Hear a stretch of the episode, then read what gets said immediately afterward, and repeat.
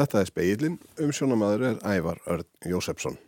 Í þættinum í dag fjöllum við um lestur og lestararkenslu og óvisa framtíði samfélagsmiðilsins X sem áður hér Twitter.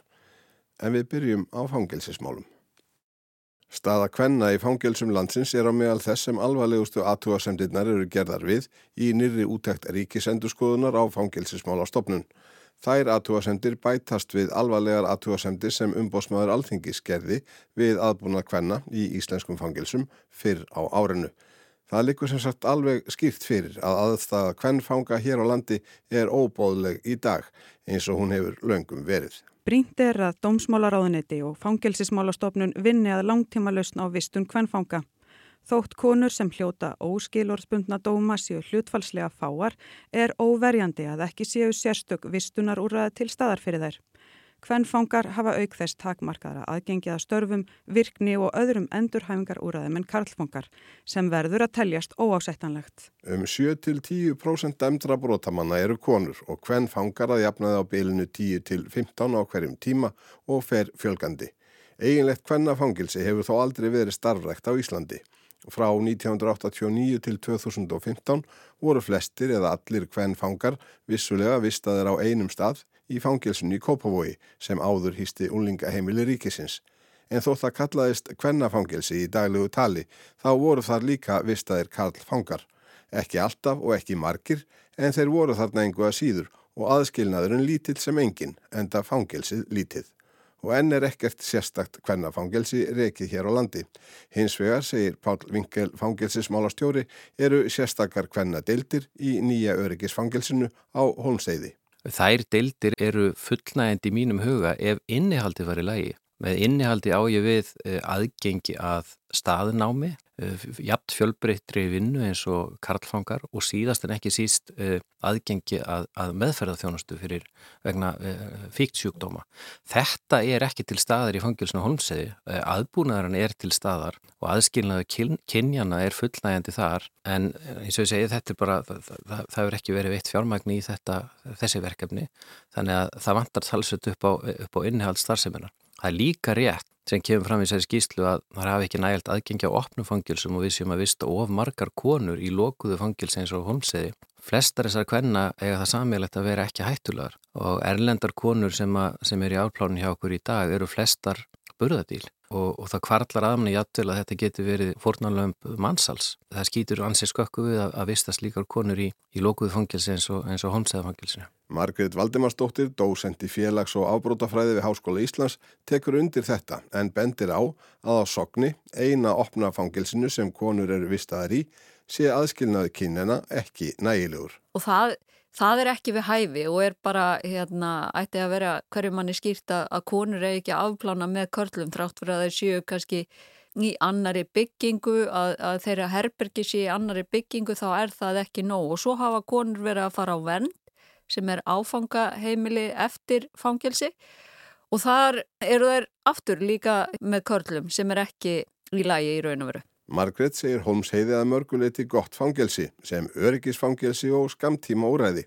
Til að það teljist gott kvennafangelsi þurfi hins vegar að gera ymsar breytingar svo að kvenfangar geti stunda þar nám og fjölbreyttari störf og svo þarf að bjóða upp á meðferðar úræði. Það er mjög mikilvægt vegna þess að hérna, það sem hefur komið í ljós er að meiri hluti þessara kvenna sem eru afplana á Íslandi eiga við einhvers konar fíkni vanda að stríða og þær eru ekki að fá eh, sagt, meðferð við því En jafnvel þótt slíkar úrbætur yrðu gerðar á hómseiði, segir Margrit, er mikilvægt að koma upp sérstöku opnu kvennafangelsi.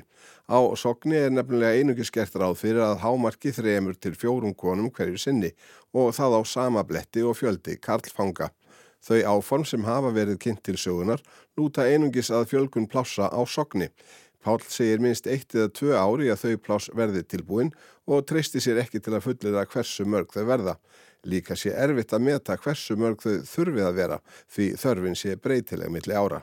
Stundum eru nánast engar konur í afplánun uh, og stundum eru þar 15, 16, 17 uh, þannig að það er, það er mjög erfitt að rekna það út sko. hvað, hvað, en, eins og sé 8 pláss á sogni væri, væri mjög góð, uh, góð byrjur. Pál viður kennir að þótt hugsanlega megi takmarka samgangkinnjana á sogni meira verði ekki hægt að koma í vekk fyrir hann sem er ástæða þess að Margrét telur stækkun hvennadeildarinnar þar ekki góða lausn. Það eru auðvitað gott að fjölga rýmum fyrir konur í opnum fangilsi. Það er mjög mikilvægt og ég tel það að vera rétt skref.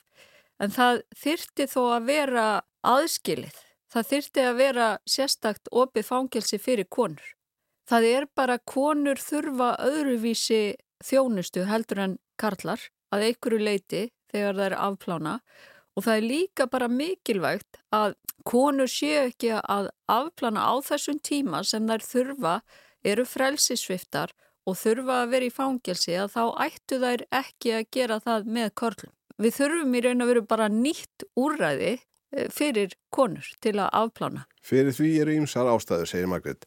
Til dæmis ég hættu því að það sem karlar eru í miklu meiri hluta sé minna tillit tekið til þarfa kvenna við skipulag og þjónustu í heildina og mikilvægt fyrir bæði kynin að endurhæfing geti farið fram án tröflunar frá hinu kyninu. Svo er það öryggið og ekki síst öryggis tilfinningin því fangar eins og allir aðrir hafa þörf fyrir öryggi og nábíli við karlfanga er ekki endilega til þess fallið að íta undir öryggistilfinningu hjá kvennfengum. Já, það er bara hár rétt og þess vegna er mikilvægt að þessi úrræði eða þessi að fangelsi séu bara aðskilin fyrir kynin. Og, og ég veit nú ekki alveg nákvæmlega hverjar hugmyndir eru, hvaða hugmyndir eru um að aðgreina þetta betur að sogni en ég held að það er verið að fara í einhverja endur uppbyggingu að þá ættir reynilega að leggja áherslu á að hafa þetta algjörlega aðskili. Annað sem Margret nefnir er aðstæða fyrir unga börn því ekki sé óalgengt að nýbakaðar mæður afpláni dóma með kornung börn.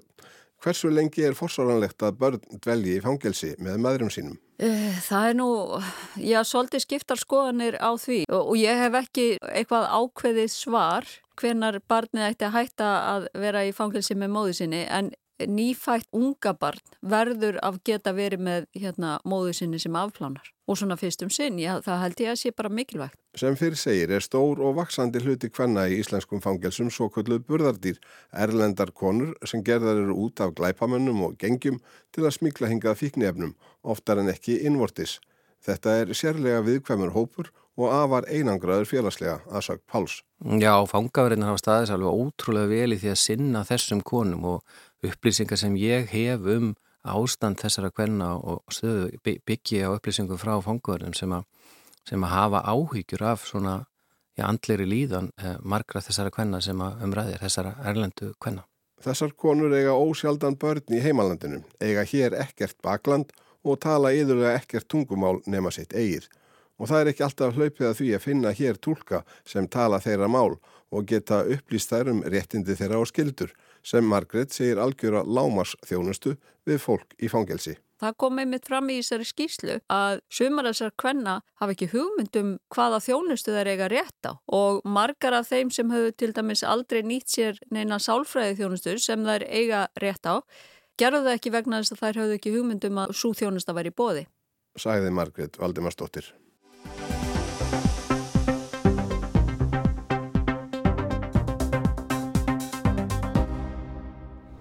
Dag. Ég frá Ríkisúttorpunum að ég spurja þig einnar einfaldra spurningar. Uh, já. Hver kendi þér að lesa? Uh, mamma mín.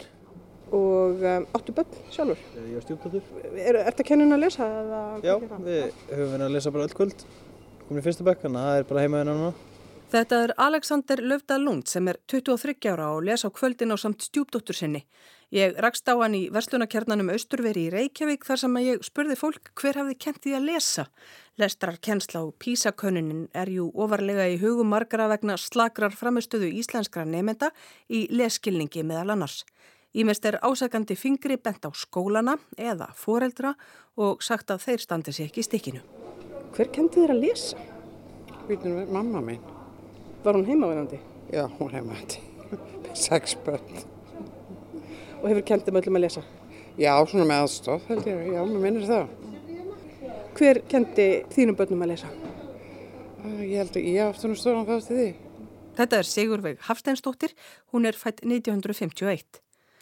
Sigriður Ólafsdóttir, dósenda á mentavísindarsviði Háskóla Ísland, sagði í hátegisfrettum að niðurstáða Písa væri graf alvarlegt mál og að samfélagið þyrta bregðast strax við. Í haustrætti ég við Sigriði sem þá sagði að sterkasti áhrifaþátturinn á genginemynda í skóla sé færni í tungumálinu. Það þurfi að huga snemmaði og eitt hugtak sé algjört líkil atriði. Orðaforðin. Það er orðin sem ber upp í þekkingu og það eru orðin sem ber upp í hugsun. Og við þurfum ríkulegan orðaforða og flókin orðaforða fyrir viðtæk umfjöllun um viðfangsefni námsins og flókna umfjöllun. Þannig að orðaforðin er í raun og vera allt um allt. Hann hefur skýrust og sterkustu tengsl við náms árangur. Og þegar við mælum orðaforða barna, það er í raun og veru vísbendingum þekkingu barnana sem þau hafa öðulast. Og við verum að gera ráð fyrir því að barn sem er hérna í leikskóla, brjúti fjögur ár og síðan tíu ár í grunnskóla, þá er það mannréttindi og í raun og veru væntingar okkar um að við sem að skila á okkur sterkum einstaklingum sem hafa nátt tök á öllum námsgreinum og þar liggur til grundvallar færni í tungumálinu, íslensku, samofi þekkingaraukningu en líka til grundvallar. Það eru gagkvæm tengsl. Ég man ég lærði að lesa mikið að hérna, horfa á Ambri sjónasöfni á Rúf og ég las svolítið, var að lesa textan, þannig ég lærði að lesa. Meðal annars var ég að horfa á Staupastein. Ég bara satt í fangin á pappa þannig að hann var að hjálpa eldri sískinu mínum að lesa. Áttu börn sjálf? Já. Hvernig lærðu þau að lesa? Og ég kendi þeim. Þetta voru Lilja Björstóttir fætt 1962 og Emil Húni Bjarnason fættur 1983. En að kjarnamálsins, Sigriður Ólafstóttir. Og, en svo er það kjarni íslenska tungumálsins. Það eru orðin sem ger okkur klift að fjallum eitthvað sem er aðeins flóknara en þetta daglega. Þegar við kennum börnin til dæmis um rándýr eða fuggla í leikskólanum.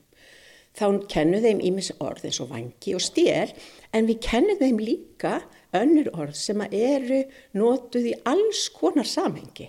Til dæmis næring og ummönnun og umhyggja og umkomulaus og þetta eru orð sem eru notuð á öllum, í öllum tegundum texta á öllum skólastegum. Börn eru fætt með meðfætta laungun til læra tungumál. Það búið að rannsaka það líka. Ef að barn er með, með fullornum sem segir alltaf bara bíl, bíl, bíl með alls konar bíla og svo er annar fullorinn sem segir sko brunabíl og löggubíl og allt það, barni sækist í samverustundi með þeim sem gefur mörg orð. Ég lærði að lesa fimm ára af því að mamma las fyrir mig og ég fylgist með. Og mammaðin var heimavinnandi, er það ekki? Já, hún var heima og við lásum saman og ég eldi með fingrinum þar sem hún var að og allt í hennu var ég læs. Þannig að, að ég lærði eiginlega bara sjálf. Áttu börn, kendur þú þeim að lesa? Hvernig, hvernig fór það fram?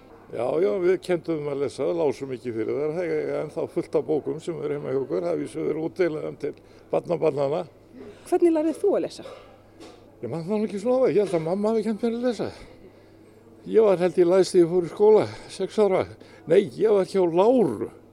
Lára kendi mér að lesa. Það var eitthvað svona prívat skóli í Norðumýrinni. Þánga verið sendur 5 eða 6 ára. En ég held að mamma hafa nú séð um það sko. Þannig heyrðum við hjónunum Gísla B. Björnsson og Lenu Rist að Ragnhildur Tólasíus tók saman.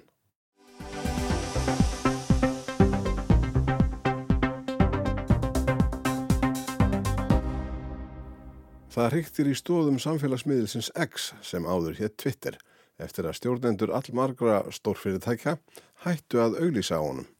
Talið er að um það byrj 90% fjárin sem fer í að reka miðlinn komi frá auglýsindum. Lengi hefur Gustaf um X og sérilagi eftir að kaupsíslumadurinn og miljardamæringurinn Elon Musk kefti miðlinn í oktober í fyrra. Hann letað verða sitt fyrsta verka að reka nokkra helstu stjórnendur fyrirtækisins sem hann hafði lengi gaggrind fyrir stefnum þeirra í markaðsetningunni. Hann sakaði þá um rittskoðunar tilburði með því að úthýsa notendum sem dreifðu haturs, áróðri og falsfréttum. Hér eftir skildi málfrelsið ráða ríkjum. Sjálfur hefur Musk verið óspara á að byrta ymsar færslur og X sem hafa fengið fólk til að lifta brúnum. Það kastaði fyrst tólfunum í síðasta mánuði þegar hann tók undir ímislegt sem margir tólkuð á þann vega að hann hefði andúð á gýðingum. Stórum auglísendum svo sem Coca-Cola, IBM, Apple, Paramount, NBC, Universal og Disney var nóg bóðið. Tilkynnt var að fyrirtækin hefðu sagt upp auglísingasamningum við X. Nokkrundögum síðar bættist verslanakæðjan Walmart í hópin. Musk fyrtist við.